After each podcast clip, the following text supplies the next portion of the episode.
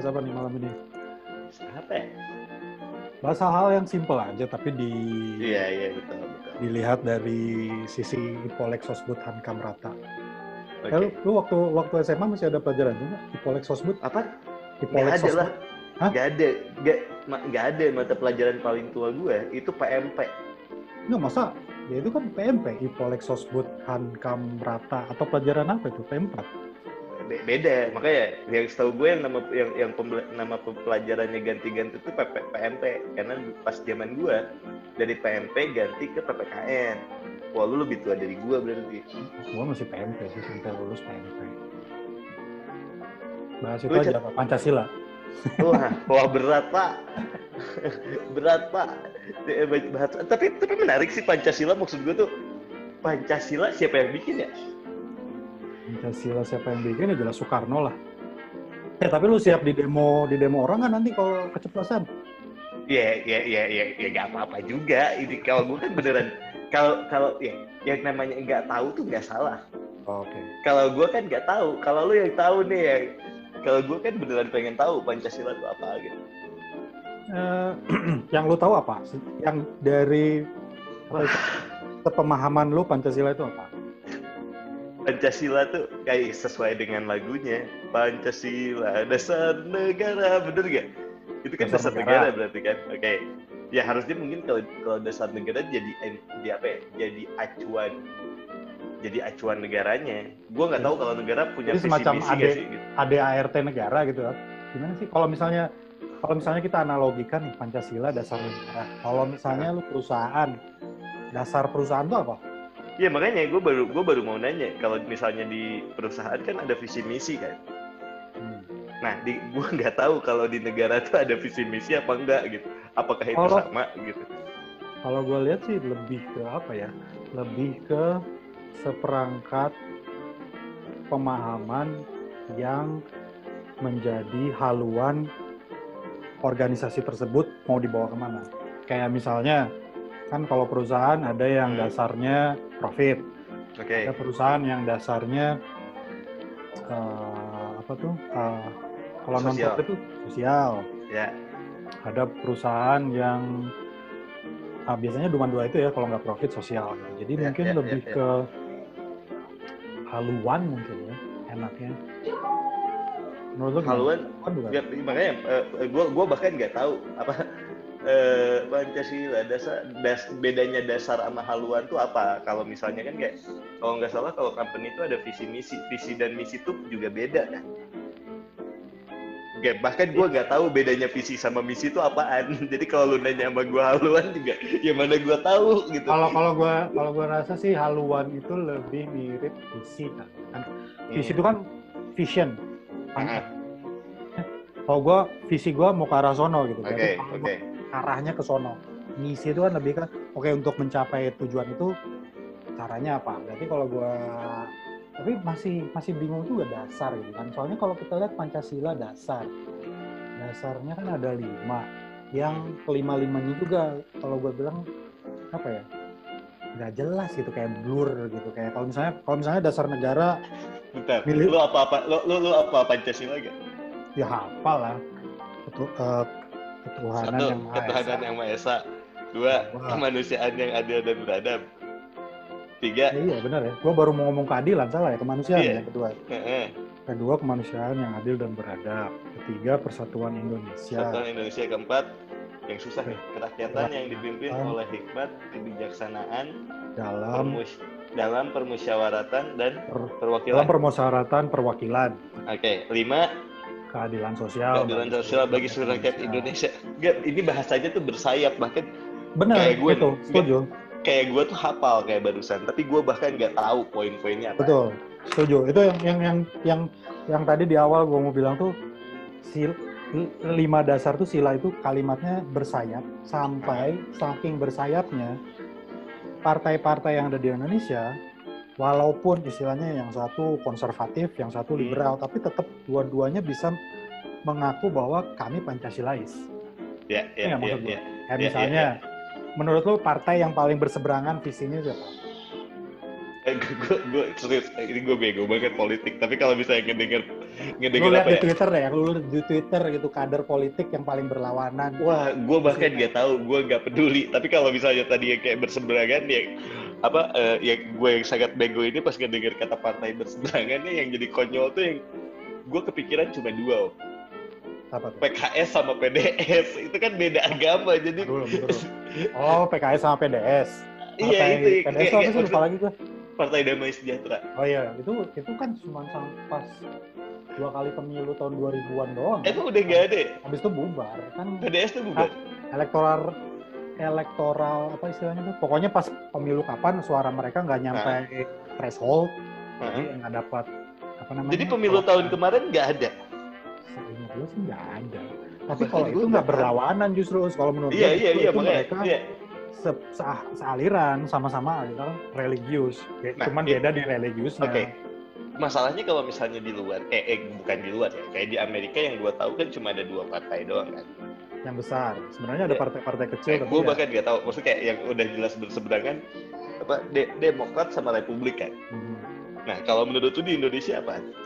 Kalau di Indonesia ya itu tadi nggak ada. Karena Nggak. jelas. Karena semuanya gini kan kalau misalnya lo bikin partai Hah? persyaratannya kan adalah partai lo dibuat berdasarkan Pancasila which is nggak jelas Pancasila itu apa gitu. Makanya iya. kalau kalau misalnya lo nanya gue partai apa sih yang berseberangan kalau gue jawaban gue adalah PKS dan PKS Hmm. dan PSI yang PKS lebih kan be- lebih Iya. bertentangan di apanya nih bahkan buat gue mungkin Oh. bukan di partainya kalau gue lebih bertentangan kalau menurut gue kalau melihat mereka adalah bertentangan dalam isu-isu sosial oke Jadi kalau misalnya yang gampang lah misalnya isu poligami.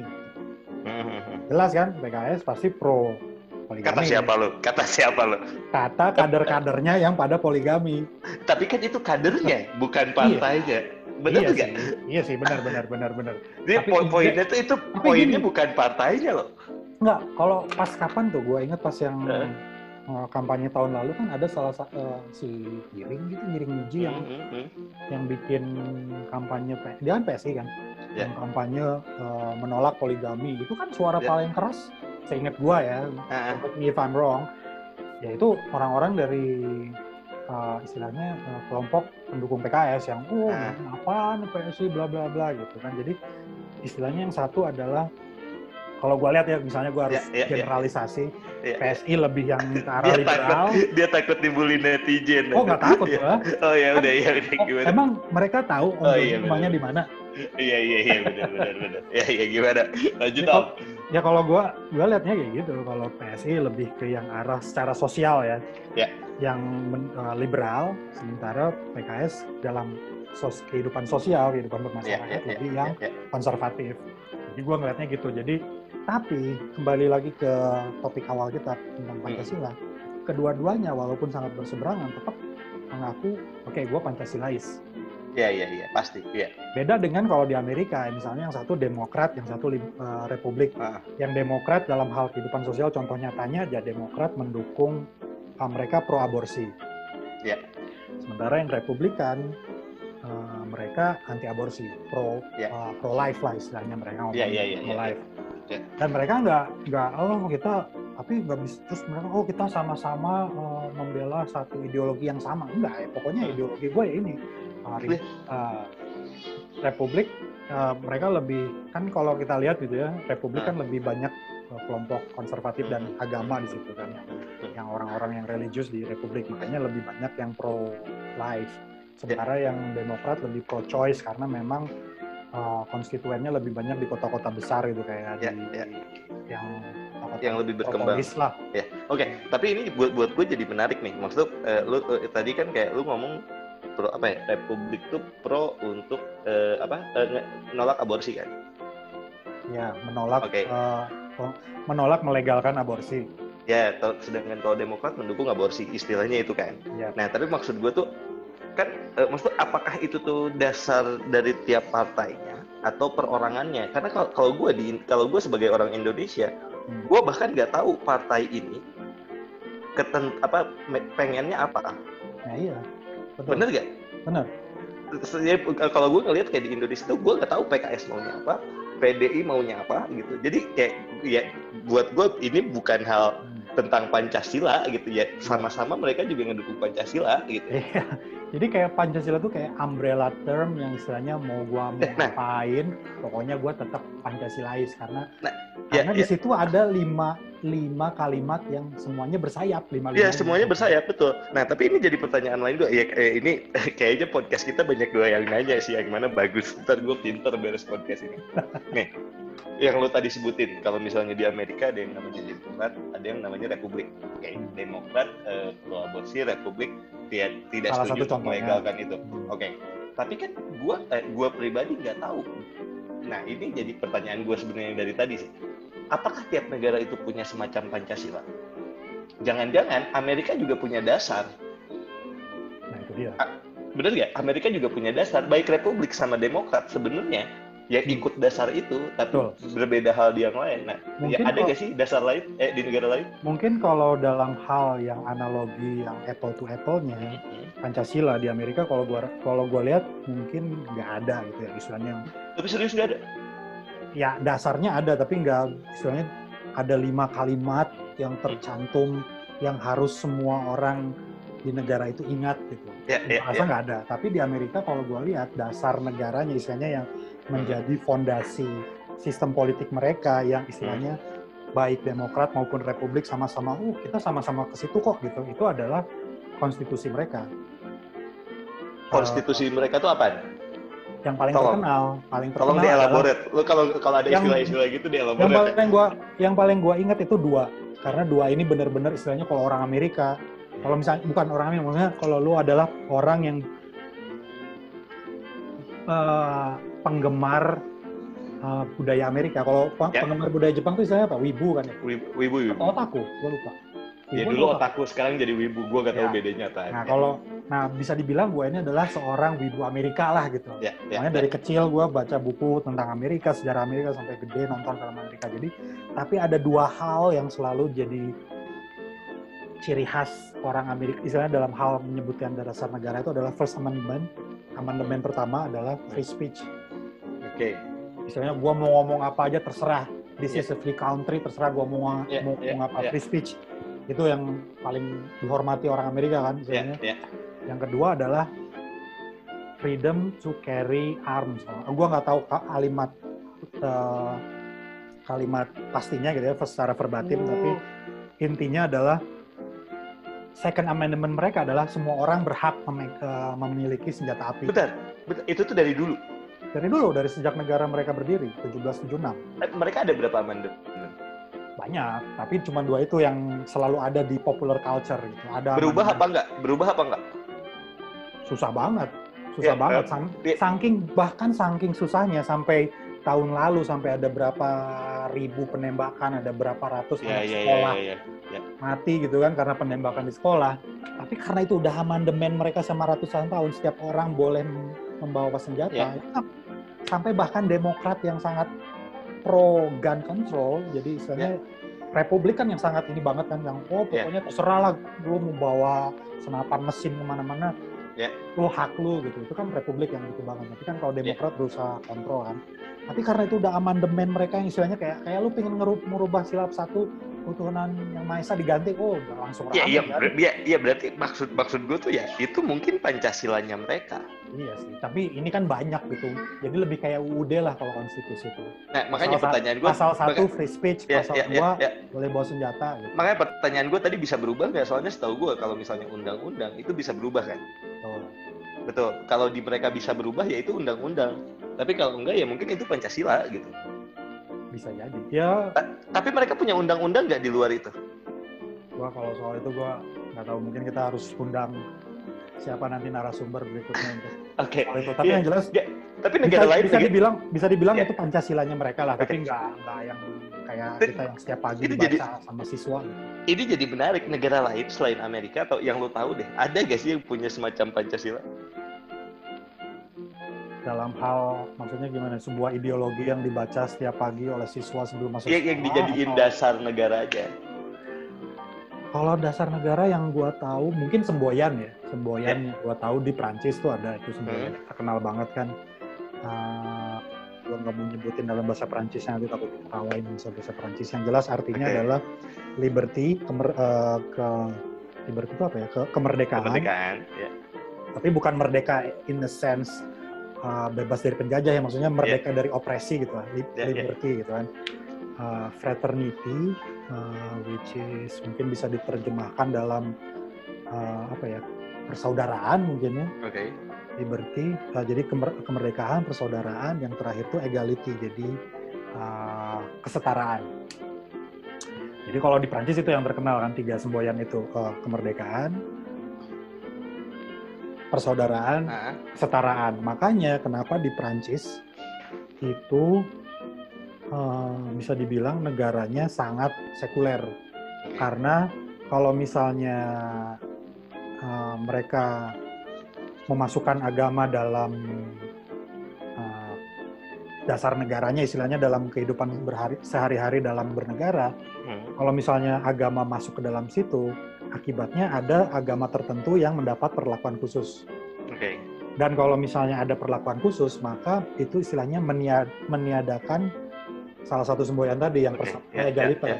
Ya, Makanya ya, kenapa Prancis itu sangat sekuler banget dalam dalam bernegara, Ya. lebih sekuler dibanding Amerika. Tapi itu dijadiin ken- apa bukan kendaraan politik ya, istilahnya kerenan ya. Tapi itu dijadiin apa ya? Maksudnya di, ya kayak partai ngikut sana, apa pun kebijakan ngikut ke sana gitu juga apa enggak? Se- kurang tahu ya, tapi ya mungkin sih mungkin kayak jadi semacam rambu-rambu kali ya. Istilahnya Iya, iya, lu boleh ngapain aja asal tidak melanggar rambu-rambu yang semboyan tadi. Atau misalnya Iya. di Amerika lu terserah mau partai lu ngajuin apa aja asal nggak melanggar rambu-rambu free speech misalnya.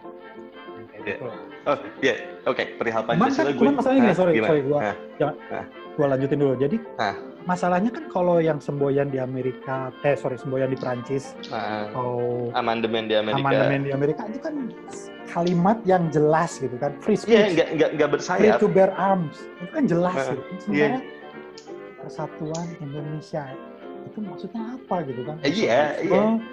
NKRI harga mati apa gitu kan? Masyarakat harus bersatu padu, gotong royong apa gitu kan? Tapi tapi serius, eh, apa dari dari zaman kita merdeka sampai sekarang pernah ada yang nyoba protes sama Pancasila nggak sih? Wah, ah, ada nggak ya? Enggak maksud gue tuh poin satu aja buat gue udah nggak make sense. Yang jelas poin satu dulu aslinya kan nggak gitu. Aslinya? Ketuhanan yang Maha Esa itu dulu ketuhanan yang Maha Esa itu kan hasil revisi. Yang Aslinya? aslinya adalah berketuhan eh, ketu ah, pokoknya ada kewajiban menjalankan syariat Islam bla bla bla Ah. Yang terus dan berketuhanan gitu. Cuman Iya. diprotes sama delegasi dari Indonesia bagian dari Indonesia yang bukan is- eh, Iya, Islam. Akhirnya Iya. dihilangkan syariat Islamnya itu. Enggak, tapi sampai sekarang tapi sampai sekarang pun setahu gue kan negara yang diakui apa agama yang diakui Indonesia itu kan ada lima kan eh lima nggak sih Enam, enam ah nambah apa Konghucu. uh ada, ada update gue bahkan Konf- Konfusianisme itu zaman Gus Dur. Oke, tapi kan sebenarnya kayak gua, gua eh, eh, apa koreksi kalau gua salah. Hindu emang esa, Nah itu dia. itu dia. bener nggak? Iya. Gua, gua yang bego aja udah merasa salah di nomor itu, satu nih. itu kemarin sempat dibahas juga, gue lupa dibahas di mana, di grup Hmm. WhatsApp gua atau Hmm. pas lagi ngobrol Zoom sama siapa. Hmm. Tapi yang jelas ya itu salah satunya Tuhan yang. Tapi kalau misalnya gua ngobrol dengan temen gua yang orang Bali waktu kemarin gua Hmm. masih di- tinggal di Tuan kan banyak temen Oh, dari oh, oh, oh, Om Jody pernah tinggal di. Oh, Om Jody dulu pernah tinggal di luar negeri salah satunya Oke, itu. iya, iya, iya, iya, iya. Terus, eh, Iya, ya. Memang secara kalau secara kalau kita tahu kan bahwa uh, istilahnya in- uh, dalam pengetahuan awam bahwa Hindu itu kan agama politeisme, kan, iya, iya, iya. mengenal banyak dewa gitu. Hmm. Uh, tapi kalau menurut cerita teman gua yang Nah, orang Bali ini bahwa walaupun memang ada banyak dewa tapi ada satu supreme god-nya gitu istilahnya yang yang posisinya tertinggi lah di antara god-god yang lain. Jadi itu masih it's not exactly monotheism tapi there is one single entity yang istilahnya iya, iya. in, iya. in di hierarki itu at the top gitulah kurang lebih gitu. Konghucu? Konghucu itu setahu gua sih lebih ke ini ya uh, respect to your elders gitu kayak nggak ada sistem Iya iya makanya makanya dibalik lagi ba- baik yang tadi lu sebutin apa eh, orang Bali dan lain-lain poin pertamanya aja udah buat gua ya, udah kayak berseberangan gitu. ya. Ya, ya itu kayak kenapa tetap dijadiin landasan negara tuh? Ya, ya bukan gua gak setuju tapi buat gua ngerasa gak valid aja gitu. Iya, benar, benar, setuju, setuju. Istilahnya, ah, kem- kemarin ada juga teman gue bilang yang kayak ah, kekristenan juga kan, apa istilahnya ada Trinitas apa? trinitas gitu kan. Tapi Iya. kalau gue bilang sih enggak, kalau Ya, trinitas karena itu, mereka ya kasih tahu gua itu mereka kan- juga satu kan. iya eh, satu dalam tiga Iya iya apa iya. iya. namanya yang tiga entitas lah, tapi sebenarnya satu Ya, gitu. ya, ya, Jadi itu ya, nggak bisa ya. dibilang politisme itu. Iya. Makanya gue dari dulu mikir cuma Hindu aja karena Iya, kasih tahu gue banyak gitu. Nah kalau Hindu penjelasan teman gue tadi mungkin Iya. bisa rada mewakili bahwa ada Eh. satu supreme being di antara other uh, Iya iya iya. supernatural beings lah. Oke. Nah, kalau Konghucu gue bingung menjelasin. Dan satu lagi kayak dulu kan kalau zaman lu zaman Orde Baru ngalamin kan ya? Apa? Zaman Orde Baru. Tiga makanya gue gue ada pertanyaan Pernah nonton TV, berhubungan. pernah nonton TV kan zaman Orde Baru? Pernah kan, pernah pernah pernah. Kalau di Orde Baru tuh suka zaman dulu kan TVRI kan suka ada acara yang uh, uh, kepercayaan ke, apa sih? aliran kepercayaan gitu. Kan suka ada Ya. kalau malam-malam tuh ada uh, ceramah dari agama Islam, ada ceramah dari Hmm. agama lain, terus ada ceramah dari aliran kepercayaan. Berarti itu diakuin dong. Hmm, harusnya diakuin sih. Jadi kan kalau nggak salah dulu zaman gue SMA ya nggak tahu sekarang udah direvisi dulu. Ya dulu sebelum ada Konghucu kan. Nah gue SMA-nya udah lama, Om jadi udah tua emang. Oh iya iya iya. Jadi dulu agam, lima agama dan aliran-aliran kepercayaan. Oh ada. Oh, Iya, oh, diakui. j- jadi sebenarnya aliran kepercayaan lain pun diakui. Diakui, cuman Kayak gua Sunda Wiwitan gitu kan diakui. diakui. Cuman Tapi kan bukan sebagai agama. gosipnya, gosipnya dulu Ah. karena adalah salah satu ibu ibu negara kita adalah penganut aliran tersebut. Jadi kita difasilitasi oleh negara gitu. Iya, soalnya gue punya teman kasihan banget. Agamanya Sikh, Orang mana? India. Terus dia Nah, nggak maksudnya diakui. orang Indonesia, Orang warga Indonesia. negara Indonesia. Ah, tapi tapi dia menganutnya Sikh, dia nggak diakui. Kasihan. Iya, makanya oh, ya, nggak usah. Ada banyak sih kayak yang gua tahu nih ya. Hmm. Dulu ini, ntar, tadi kita bahas apa sih? Sebelum ke Ketuhanan arah yang Maha situ. Esa. Ketuhanan, Ntar dulu, ntar dulu. yang- Tadi, oh, ntar gue mau cerita tentang itu kan dulu zaman Orba diakui tuh Ya, lima ya. agama dan aliran kepercayaan. Hmm, hmm, hmm. Cuman entah kenapa sekarang kok kayak kemarin gue nonton video ada orang di kepulauan sebelah barat eh, Sumatera tuh kayak kepulauan Mentawai, Hmm, Nias, hmm, hmm. begitu kan masih orangnya banyaknya masih penganut kepercayaan masih animisme gitu kan. Ya, ya, ya. Cuma masalahnya saat mereka mau mengurus KTP untuk nggak tahu lah untuk urusan apa gitu kan harus punya KTP Ya, ya, birokrasi. ya. Di situ mereka harus mencantumkan agama. Jadi nggak bisa mencantumkan uh, aliran Kepercayaan. gitu. Cuman jadi mereka harus milih salah satu dari enam agama. Itu kan jadi gua jadi so Iya. aliran kepercayaan nggak diakui lagi apa sekarang gitu Ya, kan jadi Tapi dulu sempat diakuin. dulu sih seingat gua diakui dulu kalau gua Ya, belajar- tapi boleh di KTP. Nah itu dia, gue nggak tahu apakah boleh Nah. KTP, gue masih belum punya KTP waktu itu juga. Tapi yang jelas kalau di pelajaran-pelajaran misalnya sekolah, Hmm. di Indonesia ada lima agama dan aliran-aliran kepercayaan. Ya, ya, gitu. ya. Cuman gue nggak tahu apakah bisa dicantumin di KTP.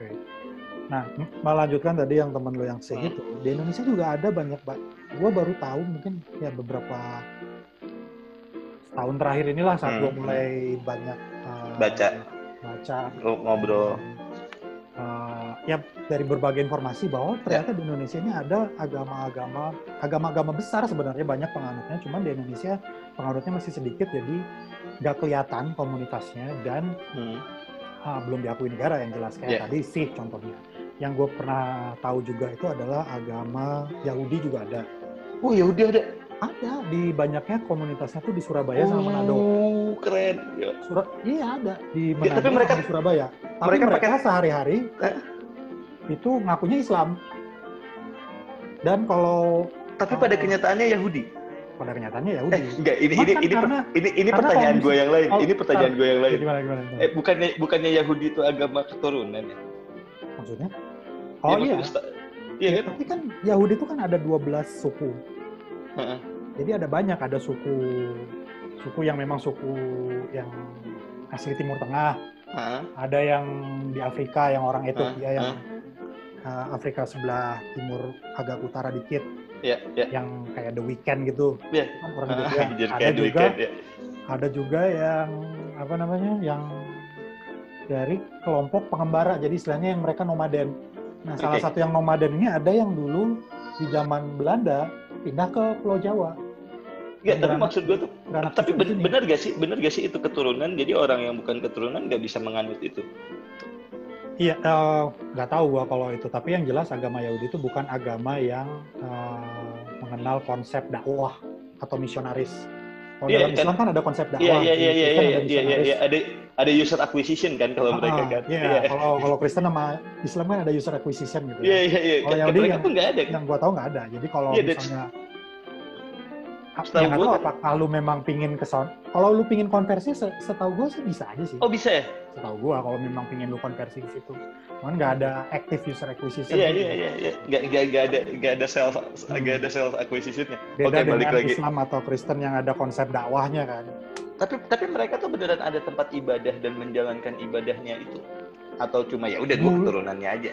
Dulu sih katanya ada sinagog sinagog kan tempat ibadahnya sinagog. Hmm. hmm. Dulu Wah ada dibenci, sinagog dibenci sinagog. rakyat sekitar dong. Nah, beberapa dekade ke sini itu mulai mereka mulai agak inilah sembunyi-sembunyi karena tahu sendirilah gimana kan Iya. uh, Jadi Hmm. jadi gua gua gua nggak mereka nggak pakai topi terus jenggotan Oh, terus enggak, enggak, dikepang enggak. gitu. kalau itu kalau yang pakai topi yarmulke itu terus- bagus. itu sekte Yahudi garis keras. Ah, itu namanya Hasidic. Jews. Itu Iya, memang iya. mereka garis kerasnya. Tapi kalau Jews yang biasa ya kayak kayak lu misalnya lihat komedian-komedian Amerika kan rata-rata Yahudi banyak nih kayak Iya iya iya. nah, itu ya biasa aja lah. Kayak Adam Sandler yang gitu-gitu kan. Iya iya iya. Gue pikir gue pikir di mereka juga ada ada apa? Ada tokoh agamanya yang pakai topi dan dikepang gitu nggak ada. ya? Yang itu kalau yang Hasidic Jews yang memang yang Oke. garis kerasnya lah gitu. Selain Yahudi ada apa lagi om? Yang gua tahu kemarin adalah agama Bahai. Bahaya apa lagi? Baha tulisannya B E B A H A I Bah, Ah, bah, B A H apostrof I jadi Bahai. Ya, gitu. ya, Bahai. ya. Itu kalau nggak salah itu lahir di abad 11 sekitar tahun 1800-an di Iran Ah, dan mereka mengaku adalah agama Samawi, Abrahamic religion. Eh, berarti eh, eh, apa s- eh, di sela-sela apa nih? Ya, kan setahu gue nih urutannya Yahudi, eh, apa Isa al-Masih? Kristen. Eh, Yahudi, Kristen, terus Islam. Islam, kan? Nah, Mereka di mana? Mereka sebelum. Jadi sesudah Islam. sesudahnya sudah Islam. Jadi kan tahun Uh, abad 19 baru adanya Iya, juga. iya. Jadi me- mereka mengak jadi kalau lu lihat eh, apa namanya eh, apa istilahnya teologi mereka, jadi mereka mengakui Muhammad, mengakui Iya. Yesus, mengakui Musa, mengakui Zoroaster, mengakui Buddha, mengakui eh, banyak lah gitu. Jadi istilahnya Iya. mereka tuh menganggap bahwa mereka adalah eh, penyempurnaan dari agama-agama Sam- Samawi Iya. sebelumnya. Gitu.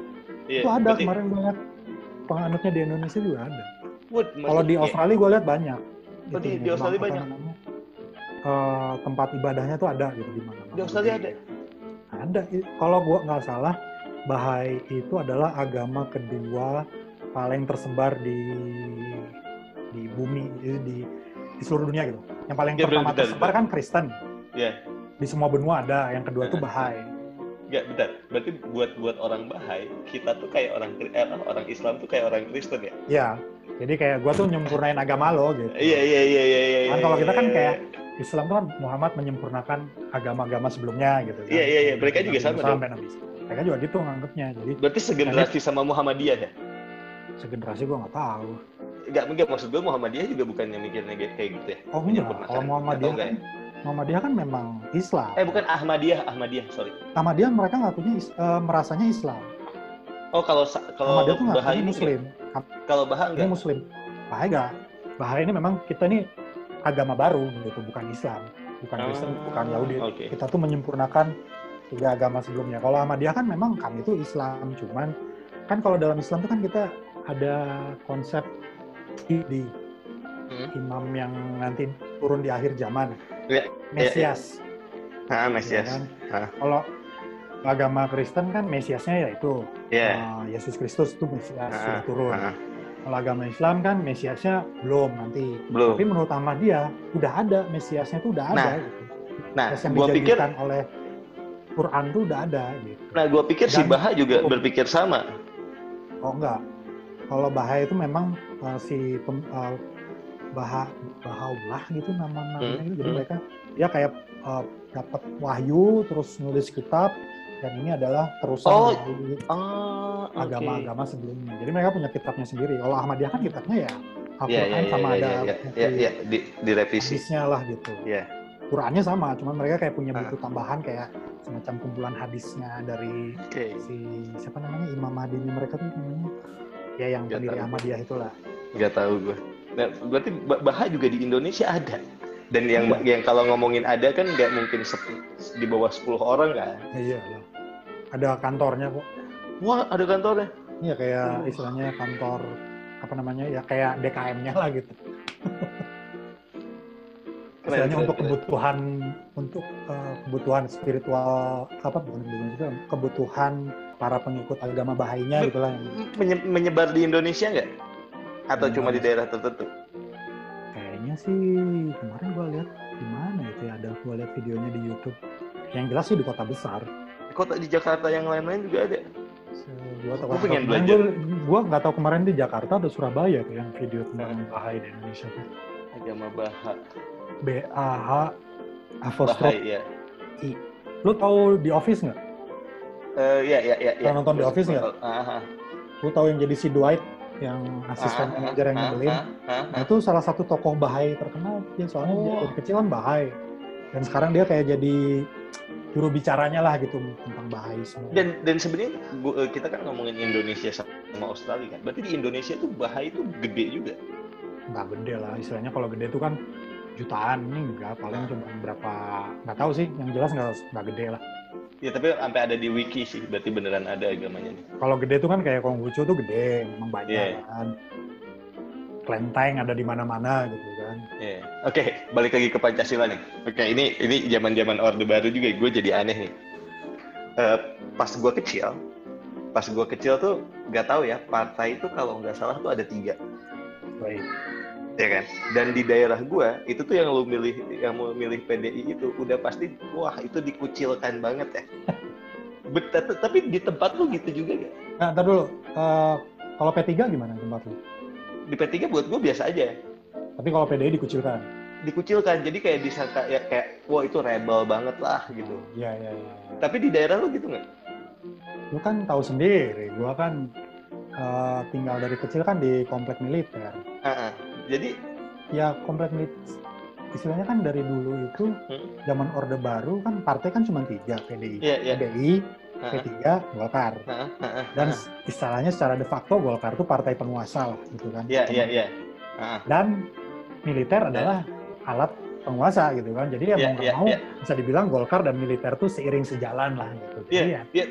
mau nggak mau Tapi- lu kalau keluarga militer ya lu harus milih Golkar kalau misalnya lu Ah. ketahu misalnya nih gua tinggal di komplek militer nih Ah, pemilu ah, ah. terus tiba-tiba kan semua pemilih pasti dari komplek militer Betul. terus ketahuan ada satu milih PDI itu langsung dicari siapa yang milih Ya, kalau lu kan komplek karir mi- militer karir jelas kan. militernya mungkin misalnya anaknya atau istrinya wah karir militernya bisa Iya, tapi kan lu kalau jelas kalau lu kan jelas komplek militer gitu kan. Bener gak? Jadi itu tuh pasti itu tuh mungkin banget kalau di daerah gua tuh ya kampung biasa gitu, nggak Hmm. ada komplek militer atau apa pun. Tapi beneran kalau misalnya ada yang milih PDIP itu yang bener kayak uh dia, dia oh ya udah disangka musuh negara banget.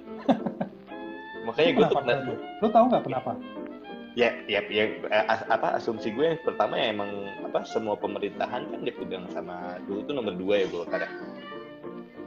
Nomor Iya kan ya? urutnya dua nomor Ah. urutnya heeh. nomor urut dua ya, ya ya karena mostly Golkar gitu karena aparatur negara dan lain-lain gitu Hmm. terus ya anta ya kalaupun ada juga dan dan maksudnya yang kedua terbesar kan ya Islami gitu yang apa partai Hmm. apa P, P3 gitu. Hmm. Ba- baru PDI Kalau jadi kalau yang di gua kampung gua tuh yang ya. PDI itu PDI itu beneran preman biasanya Iya, Jadi emang apakah itu gua- settingan pemerintah juga Nah itu, itu gue pertanyaan gue, apakah memang itu settingan pemerintah bahwa Hmm.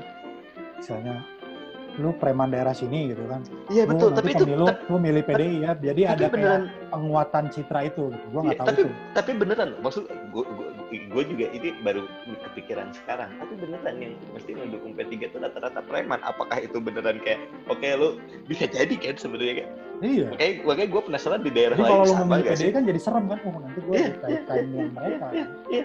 Tapi di daerah lain sama gak sih menurut kalau di daerah lu kan gara-gara konflik militer Yang jelas, yang gue ingat dulu zaman masih Orba, zaman gue masih ya udah mulai udah mulai ikut pemilu. Gue kan sekali ikut pemilu waktu zaman Orba.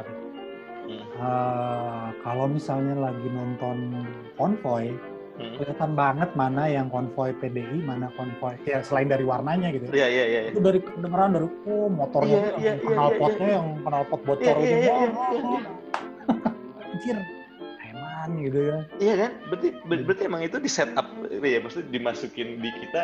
Wah tapi rebrandingnya bagus banget berarti itu. Nah, PDIP. kalau sekarang yang kalau lihat ya, kalau lu kalau lu lihat ya yang akhir-akhir ini yang rebranding bukan rebranding maksudnya yang yang muncul di media massa PDIP itu citranya apa? Apa? Kalau gue lihat gara-gara kasus kemarin yang lagi rame yang Hmm. Pancasila mau dijadiin Trisila lalu mau di Iya, iya. konvert jadi Ekasila itu Iya. muncul semacam uh, uh, pembicaraan di media atau di masyarakat itu bahwa seolah-olah PDIP adalah partai anak-anak dari uh, konstituen PKI dulu. Oke, iya iya iya. iya. Jadi dulu iya, PKI kan partai besar. Iya. Terus mereka punya anak. Nah, anak-anaknya mereka yang nggak puas itu sekarang gabungnya ke PDIP. Eh, Makanya ya. Ska- Tapi makanya pas, diarahkan pas gua gitu ya. kecil, pas gua kecil juga isu-isu tuh, ya pas tuh pas gua kecil gua sedikit inget isu-isu itu pun juga ada sebenarnya. hmm, ke- ke- keterkaitan antara PDI dan Terkaitan, PKI. iya iya iya. iya. Iya. Dan se- dan sebenarnya maksud kan pas gua udah dewasa gini, gua banyak googling, terus gua nonton beberapa film, terus tuh gua jadi inget ya zaman dulu tuh beneran yang ex PKI itu dimusuhin. banget. Oh, bukan Iya, kan? musuhin lagi. Istilahnya Iya bahkan hidup kayak lu gua bakal hidup lu bakal inilah uh, Ba- iya. susah banget. iya, ngeri juga. ya. Maksud gue inget ada eh, jadi Nyari dari- kerja lu nggak akan bisa. Dari, dari, dari rumah gue tuh gue mau main ke rumah paman gue, misalnya di daerah yang lumayan jauh. Terus pas lewat, pas jalan gitu tuh kayak, oh itu dulu rumahnya yang PKI. Terus gue kan masih kecil ya, PKI itu apaan? Gue nggak tahu PKI itu dulu apaan, cuman serem aja gitu. Ap- Apalagi pas terus Pas nonton film, G30S iya iya iya iya iya. iya. Iya. Makanya, oh keren banget ya. Gue gue memang ini, propaganda yang sangat sukses itu dari Oh, sumpah ini apa eh, apa, strategisnya sih kalau di agency itu kan ada ada strategisnya kan ada kreatif directornya ini keren banget sih. Ya, jadi ada di eh, di media massa disebarkan ide tersebut, tapi di lewat grassroots juga Iya, disebarkan iya. idenya. Maksud gitu. gue tuh kalau- kalau-. Kalau ngomongin konspirasinya COVID atau apa atau flat earth buat gue nggak ada apa-apanya ini dibandingin yang gue alamin pas kecil gitu. Oke, balik lagi ke Pancasila nih. Ini pertanyaan gue yang tadi soal yang apa ada yang tiga partai itu. Terus kan gue dari kecil emang ngeliat si Pancasila ini kan. Hmm. Oke, dan maksud gue tuh ini eh, yang gue dari kecil aneh tuh di Pancasila kan ada logonya Golkar. Ada logonya Iya. PDI. Oke. Iya. Tapi saat gue menyadar itu, itu tuh cuma ada tiga partai. Oke. Eh, apa? eh, dan bahkan eh, ada dua partai yang ada di sana. Gue tuh dulu mempertanyakan. Ini P3 tuh beneran partai apa enggak? Karena nggak ada logonya. Hmm. Terus yang dua ini tuh partai apa? Jadi salah satu yang aneh buat gue Pancasila tuh ini. Ini kan eh, pas 80-an, mulai dari 80-an sampai 90-an, eh, gue lupa kapan pastinya, yang jelas Hmm. Terakhir eh, pemilu Orba yang gue ikuti, itu logo P3 udah diganti jadi bintang. Dulunya kan Oh. Ka'bah kan, Oh iya iya iya Ka'bah. tahun 80-an kan masih Ka'bah. Heeh. Nah pas, seingat gue pas gue udah ikut pemilu tahun 97 kalau nggak salah, Hah? itu tuh udah bintang. Jadi Udah udah, jadi ada di bintang. Pancasila semua. Enggak, tapi kalau misalnya Bintang, sekarang kan balik lagi beringin kan? Ka- kalau sekarang kan jadi balik lagi ke Ka'bah dong. Iya sekarang balik lagi ke Ka'bah. Makanya, ta- tapi gue nggak bahkan gue nggak nyadar tuh ada transisi P3 sempat jadi bintang. Tapi Hmm. maksud gue tuh wajar gak sih gue dulu mempertanyakan ini dua lagi ke mana ya? Kalau gue sih nggak pernah mempertanyakan itu sih. Sampai sekarang logo Pancasila ada lima logo itu kan. Iya. Bener yang gak? di Maksud, perisai yang ada di perisai. Ha, ha. Hmm. sedangkan duanya tuh jadi partai, ini tiga yang lain tuh partai apa bukan? Gue dari kecil mempertanyakan itu gitu. Ataukah beneran jangan-jangan kan kalau nggak salah sebelum tiga partai ini dulu juga banyak kan partai kan? Iya, dulu banyak, tapi Ya, terus di merge. Maksud itu ini ini gue juga gue jadi kepikiran nih lahir partai dulu baru logo Pancasila yang ada logo mereka Mhm. atau partai-partai ini ngambil dari Pancasila lu tahu nggak Yang jelas sih ada Pancasila dulu. Kan Pancasila kan Hah? udah ada dari zaman Indonesia Merdeka. Istilahnya kan yang mengkonsep kan uh, Soekarno. Jadi istilahnya pada saat Indonesia Merdeka, setahu gua nggak lama kemudian atau di saat bersamaan udah ada Pancasila. ya Pancasilanya ada tapi lambang-lambang ininya kan kita nggak tahu itu ada apa nggak pas masa itu Ada sih. Kalau coba lu cek Sultan Sultan Hamid kedua kalau nggak salah, dia tuh yang ngedesain gambar Pancasila kalau nggak. Ya pokoknya Garuda Pancasila yang burung Garuda terus pakai perisai itu dia ngedesain Sultan Hamid. Enggak, tapi maksud gue tuh pas eh, logonya tuh langsung pas ada Pancasila langsung dibikin logonya. Iya, sama perisai-perisainya. Nah, berarti si partai-partai ini ngambil logo yang ada di Pancasila dong. Iya kan, ya itu Mereka- tadi kan. Mereka Istilahnya kan, bayar bayar, bayar lisensi ke siapa ya? istilahnya kan pokoknya mau aliran lu apa, pokoknya lu harus Pancasila ya. Udah paling gampang lu ambil contoh. Iya nggak sih? Paling Maksud gampang logonya ya Pancasila yang ada di Pancasila aja. Oke, gitu. sebelum Orba yang tiga partai, ada berapa partai? Banyak kan?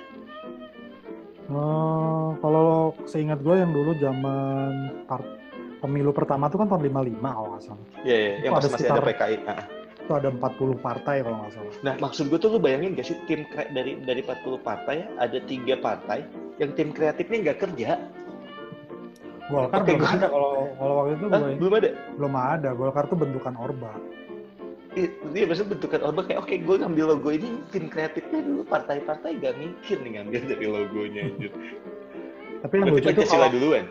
Pancasila duluan. Tapi yang lucu kalau lu tahu, jadi tahun 80-an itu kan Hmm. P3 logonya masih Ka'bah. Ya. Dan gua ingat dulu orang-orang di desa Hmm. itu kan istilahnya mereka buta politik lah, nggak ngerti Ya, ya. partai Ya, ini Ya, ya. isinya apa gitu kan. Tapi yang jelas mereka tahu Ka'bah itu apa. Jadi, Jadi pada saat mereka di ruang pencoblosan, mereka tuh nggak Hmm. tahu milih apa. Tapi begitu ngeliat gambar Ka'bah ya udah milih Ka'bah.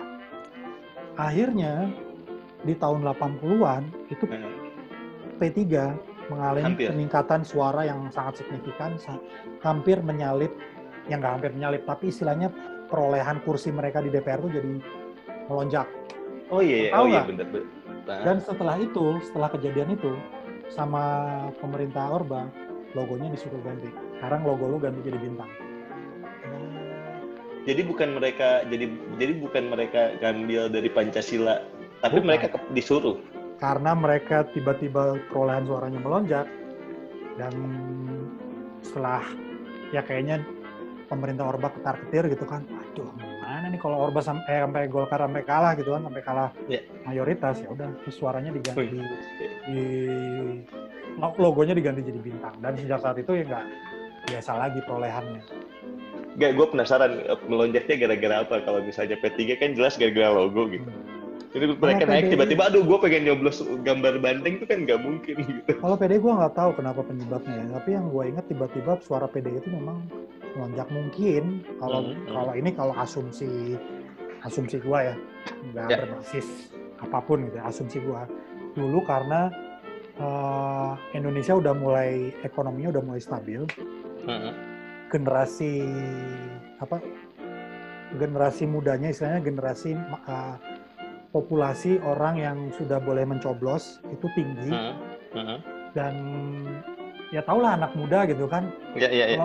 Kayaknya banyak kan yang kesan- rebel sih kayak. Iya, kayaknya Golkar banyak kan yang rebel sih. partai orang Ya, tua gitu ya, kan, ya, partai ya, ya, bapak ya. gua gitu kan. Ya, Ya, generasi muda yang baru ini, populasi muda yang baru ini akhirnya pada milih PDI kayaknya. Karena Ya. cool gitu kan. Kalau ya ngerasa ngerasa Iya. ngerasa ngerasa ngelawan aja. Ah, dan ngerasa melawan Orba yang udah hegemoni puluhan tahun gitu. Ini jadi menarik buat gue. Nih, eh, eh, apa ya? Hmm, lu kan lebih lama ngalamin or- orba ya dibandingin gue.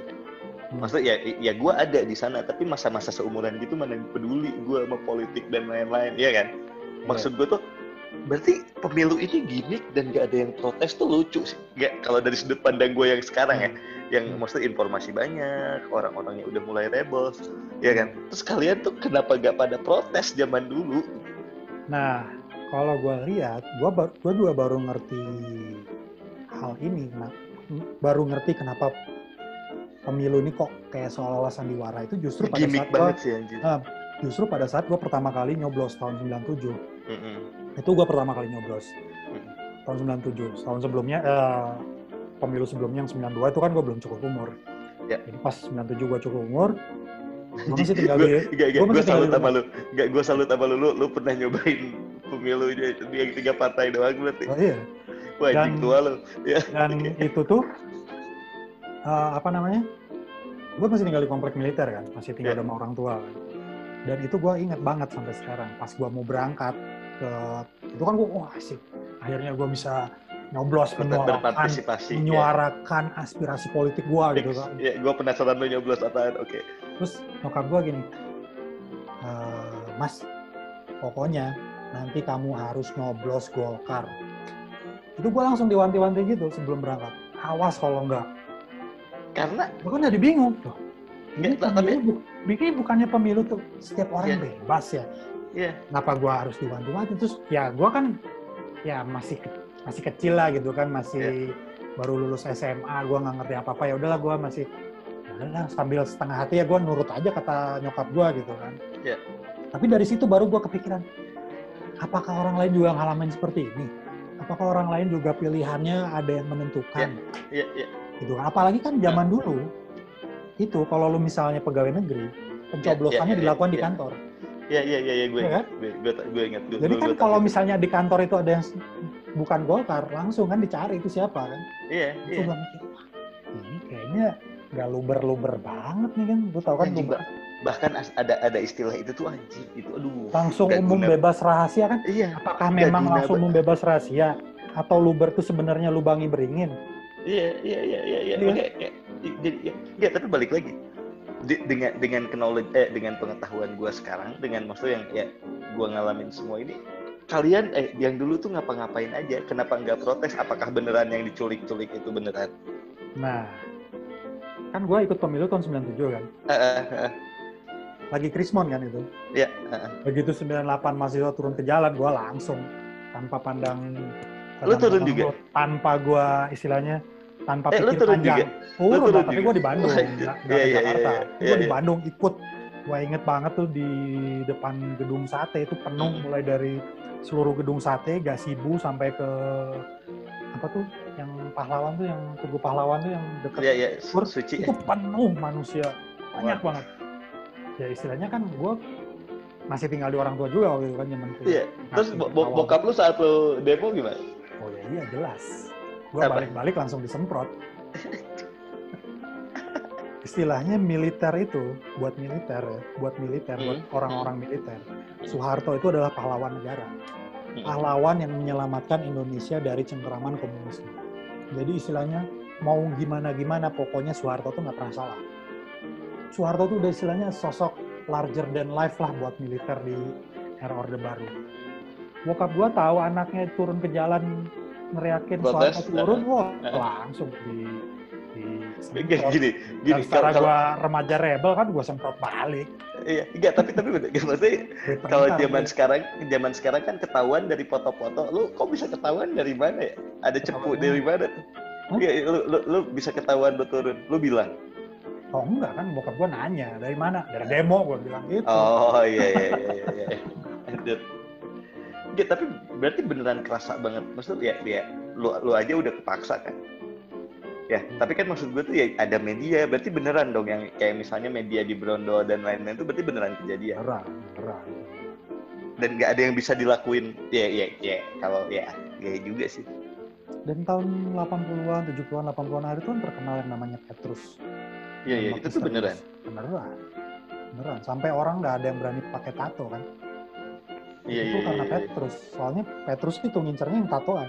Kayak lu, Kenapa? lu gini, ditembak Iya, langsung. kenapa? Kenapa? Tatoan. Tapi tapi kenapa yang tatoan? Enggak bahkan tatoan nggak sih? tatoan Bang bang bang tatoannya. tatoan anjing enggak tapi tapi menarik eh gue nggak tahu baca di majalah mana atau apa bahkan kayak kalau nggak salah tuh ada larangan rambut gondrong ya Iya pokoknya yang istilah. Jadi dulu tuh konsepnya kayak kalau sekarang tuh kayak Duterte di Filipina lah. iya iya iya Tembak- iya iya Tembak dulu tanya belakangan. iya iya iya iya Jadi kalau misalnya lu gondrong, lu tatoan, ya udah tembak aja dulu. Enggak, tapi kalau atau bukan urusan belakangan. kalau kalau Duterte kan ada reasonnya narkoba maksudnya Iya. kalaupun yang lain juga dihubung-hubungannya ke narkoba nah kalau ini Petrus dan lainnya dihubung-hubungkan ke apa Masalah keamanan. Jadi istilahnya dulu tuh, eh seingat gua, polisi itu kewalahan. Istilahnya polisi itu nggak punya nggak punya apa namanya nggak bisa lah mengatasi masalah keamanan eh, stabilitas negara lah gitu istilahnya Ya, ya, ya. banyak banyak banyak geng-geng atau organized crime atau penjahat-penjahat Ah, kecil-kecilan tuh ya. benar-benar mewabah akhirnya yang diturunkan Iya, berarti apa sih istilahnya tuh? penembak Eh, misterius ya maksudnya kan eh, eh, ya yang dijadiin alibi Duterte kan setahu gua nar- Narkotika. na- narkoba kan dan beneran narkoba berkurang loh gitu kalau di sana kan jadi Tapi kan kalau- tapi kalau Nah. misalnya lu itu kan istilahnya kan itu dari re- press release-nya Iya, iya, lah iya, gitu. Makanya kalau tahu tanya orang pada kenyataannya langsung, emang enggak itu itu Hmm. banyak banyak yang bukan Iya. narkoba tapi kan Hmm. jelas tujuannya narkoba dan dapat respect dari ya maksudnya entah ini bener apa enggak alibinya itu dan itu dapat respect dari banyak banyak entity kan. Nah tapi kalau Indonesia keamanan doang buat Kalau kurang kalau kuat gue ya sih? rasa sih sebenarnya sama aja sih Duterte juga istilahnya pingin memberantas crime, cuman alibinya adalah memberantas. Iya, tahu, narkoba. tapi kan itu crime ya itu kejahatan kan. Kan kalau di kita mah yang ngelawan negara apa Duterte juga sama? Sama, jadi kalau di Indonesia juga bukan cuma yang lawan negara, tapi juga kayak perampok-perampok yang ngerampok toko iya, iya. emas, misalnya Iya, iya, iya. yang ngerampok toko bank, eh, Ah, oke toko bank sih, ngerampok bank yang gitu-gitu kan dulu ah, organized crime kayak gitu tuh masih merajalela gitu. Oh dan beneran banyak itunya juga pada kenyataannya. Ya, katanya sih, gua kan nggak taw kan gua udah, Iya. gua masih SD lah zaman Petrus. Petrus baru selesai tuh gua paling masih TK lah gitu ya. Tapi gua inget lah denger-denger oh eh, jangan tatuan, jangan gondrong nanti Iya iya. iya. Petrus, tembak Petrus gitu. Itu masih suka kedengeran waktu gua kecil. Iya bahkan gue gue pernah denger yang kayak di gon ya, yang gondrong tuh nggak boleh buat gue lucu sih aja. Ya nggak boleh tuh karena yang nggak- misalnya orang tua bilang lu nggak boleh gondrong itu kan bukan karena apa-apa karena takut nanti lu tembak Petrus gitu. Iya iya iya. Terus Pancasila. Nah terus apa lagi yang gue apa yang gue penasaran gua. Pancasila. Kalau Ah. kembali ke Pancasila, kalau gua lihat Ah. sih sebenarnya itu adalah lebih ke kan founding fathers kita kan banyak kan, maksudnya yang Iya iya. eh, tokoh-tokoh politik kita kan banyak ada Hatta, Ya. ada Soekarno, ada Syahrir, ada Agus Salim. Ah. Masing-masing kan punya pemikiran yang berbeda-beda gitu kan. Bahkan Oh kayak meng- menghindari konflik ya? menghindari konflik. Akhirnya kan dibikin lah, oke ya udah lu mau konsep apa masukin, lu mau konsep apa masukin. Jadi kalau gue lihat sebenarnya Pancasila itu sebenarnya menerjemahkan ulang ideologi yang sudah ada. Jadi yang pertama itu jelas sila pertama kan sebenarnya syariat Islam kan. Ya syariat. a- asalnya tuh syariat Islam. Asalnya syariat Islam, cuman yang diprotes akhirnya diganti jadi ketuhanan. Ya Ya, berarti dari dulu kita tuh udah eh, apa Islam tuh udah mayoritas banget ya? mayoritas banget. Oke. Yang kedua kan kemanusiaan yang adil dan beradab. Kalau gua Oh, itu sebenarnya cuma nama lain dari humanisme. Nggak, tapi enggak ini ini satu ketuhanan yang maha esa kenapa harus bintang kemanusiaan yang adil dan beradab ini tuh apa gelangnya kenapa harus rantai gitu Kan- Oh iya, ya, rantai ya. iya Ya kan pers- manusia mungkin saling gotong royong lah, gua nggak tahu lah iya, tuh. persatuan ini filosofi di balik logonya. Yang jelas kalau gua lihat, aduh ya. yang jelas kalau gua lihat tuh lima sila tuh sebenarnya eh, kalau misalnya di lu jadiin satu kata tuh sebenarnya bisa. Yang pertama tuh teisme Iya. daripada Tuhan. Yang kedua humanisme. Yang ketiga tuh nasionalisme. ah. Yang keempat demokrasi. Yang kelima sosialisme. Itu aja sih sebenarnya cuman terus dibikin namanya Eh, bentar, bentar, bentar. Satu. satu teisme yang kedua teisme percaya pada Tuhan ya kan ah, ah, yang kedua humanisme ah, ah, hanya oke. menjunjung tinggi nilai-nilai Iya kemanusiaan iya iya iya. Yang yang ketiga ketiga nasionalisme kan oke Uh, iya. integritas nasional integritas secara politik dan Ah. geografi whatever yang Ah. keempat sebenarnya demokrasi aja itu sih. Iya iya. Hanya iya. musyawarah untuk mufakat, Iya, suara iya, terbanyak itulah demokrasi gitu. Yang kan. kelima sosial ya. Yang kelima ya sosialisme kan, istilahnya bagaimana supaya negara menjamin eh, kebutuhan rakyatnya itu Iya. kan sosialisme sebenarnya kan. Iya. Cuman Iya. mungkin disamarkan keadilan sosial bagi seluruh rakyat Indonesia itu kan sosialisme kalau Enggak, enggak atau atau ada satu orang yang bucin kayak Firsa Besari gitu kan. Oke, kita kita bikinin puisi aja satu-satu gitu. Gua rasa itu Soekarno yang gitu. bikin. Iya iya iya apa bucin. istilahnya apa istilahnya eh, kemampuan bucinnya ke cewek-cewek diganti jadi kemampuan Iya iya iya kan. Pancasila. biasa bikin puisi gitu. Di- Diganti sama ini. Sebenarnya ada Bisa- satu yang menarik, Apa? Semboyan negara Apa? yang di Pancasila yang di bawah Bhinneka Tunggal Ika. Wah. Kalau iya, gua iya, lihat iya, iya. itu sebenarnya kalau misalnya dijadiin satu kata itu pluralisme. Ya, nah ini kalau bu- buat gue malah kayak eh, kenapa jadi enam anjir gitu itu nggak harus ada ini terus jadi enam gitu Ya kan Pancasila sama semboyan negara itu kan istilahnya pemain cadangan lah gitu. Iya, t- Pemain kan- intinya lima, ada pemain cadangan satu. iya iya, pluralisme. kenapa enggak gitu atau sebenarnya sebenarnya udah jadi nih udah jadi lima ini pas udah beres aduh ada yang kurang deh tapi udah kita nyebutnya kurang. Pancasila gimana ya gitu oke tulis Iya. aja di bawah gitu Kalau kalau enam tuh bahasa Sanskertanya apa sih? Enggak, Kan enggak, Eka, Eka, Dwi, Tri, Dwi, Tri, Catur, Catur, Panca. Panca, hmm, apa ya? Enam apa nggak tahu Hmm, udah terkenal.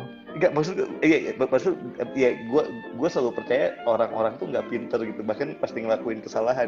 Ini curiga pas udah beres ini, aduh ini ketinggalan nih kita jadiin semboyan aja yuk. Logonya udah bagus gitu kan, lima. Aduh Iya, kalau dirombak iya, lagi jadi iya, enam susah iya. nih. Iya, ini budgetnya nggak ada nih re- revisi budget. Udah nggak jadi- nih. Jadiin aja kain di bawah gitu. Iya, Bhinneka iya. Padahal, padahal kalau menurut gua justru yang Hmm. paling penting dasar Ya. negara buat Indonesia yang ratusan Semboyan. suku agama dan Semboyan bahasa, ya itu Bhinneka Tunggal Ika itu pluralisme ini tuh- itu Istilahnya tuh semboyan. semboyan negara. Berarti eh, Pancasila, itu Pancasila dasar, dasar negara, Bhinneka Tunggal Ika semboyan negara. Waduh banyak banget ya kita negara eh, gimmick. Gimiknya kebanyakan dan bersayap, jadinya akhirnya semua Hmm. orang bebas menginterpretasikannya ke dalam ideologi masing-masing. Pancasila menurut Iya, PKS. Pancasila menurut PSI, Iya iya iya iya. beda-beda tapi kita tetap Pancasila kok gitu kan. Iya, iya, iya, kita tapi sebenarnya ini, ini jadi keresahan baru gue. Kenapa bineka tinggal bineka tunggal ika nggak dijadiin satu lagi jadi enam istilahnya? ini nggak guna banget ini ada semboyan satu gitu. Iya. Kan kalau sekarang kan orang-orang protes karena eh, Pancasila mau dikurangin jadi Trisila, mau, terus mau dijadiin lagi satu ek, Ekasila menghilangkan ketuhanan. Ngapain lagi? Kan kalau dikerucutkan protes harusnya ditambah boleh dong gitu kan. Iya iya iya iya. Tambah lagi Bhinneka Iya. Tunggal Ika diakui jadi eh, Salah satu sila. sila keenam. misalnya. Iya. Soalnya gua Tapi rasa itu justru yang paling penting. Lebih Iya. penting dari yang lima lainnya. Istilahnya yang berbeda-beda. Istilahnya kalau lu lihat memang Indonesia masih bisa bersatu tuh benar-benar menakjubkan sih sebenarnya. iya dan Agamanya banyak, Nah ini ini, ini sukunya jadi menarik. Ini jadi menarik. tapi bisa bersatu tuh menakjubkan. ntar, ntar, ntar next sesi kita kayaknya kita harus ajak dua teman kita lagi. Gue pernah diskusi sama dua orang ini yang lu kenal, Om yang satunya Om ya Om satu sama yang sama yang satu lagi. Kita ngebahas tentang kenapa Indonesia nggak maju-maju. Buat gue seru banget gitu. Boleh, boleh, boleh. Kayaknya nextnya itu deh.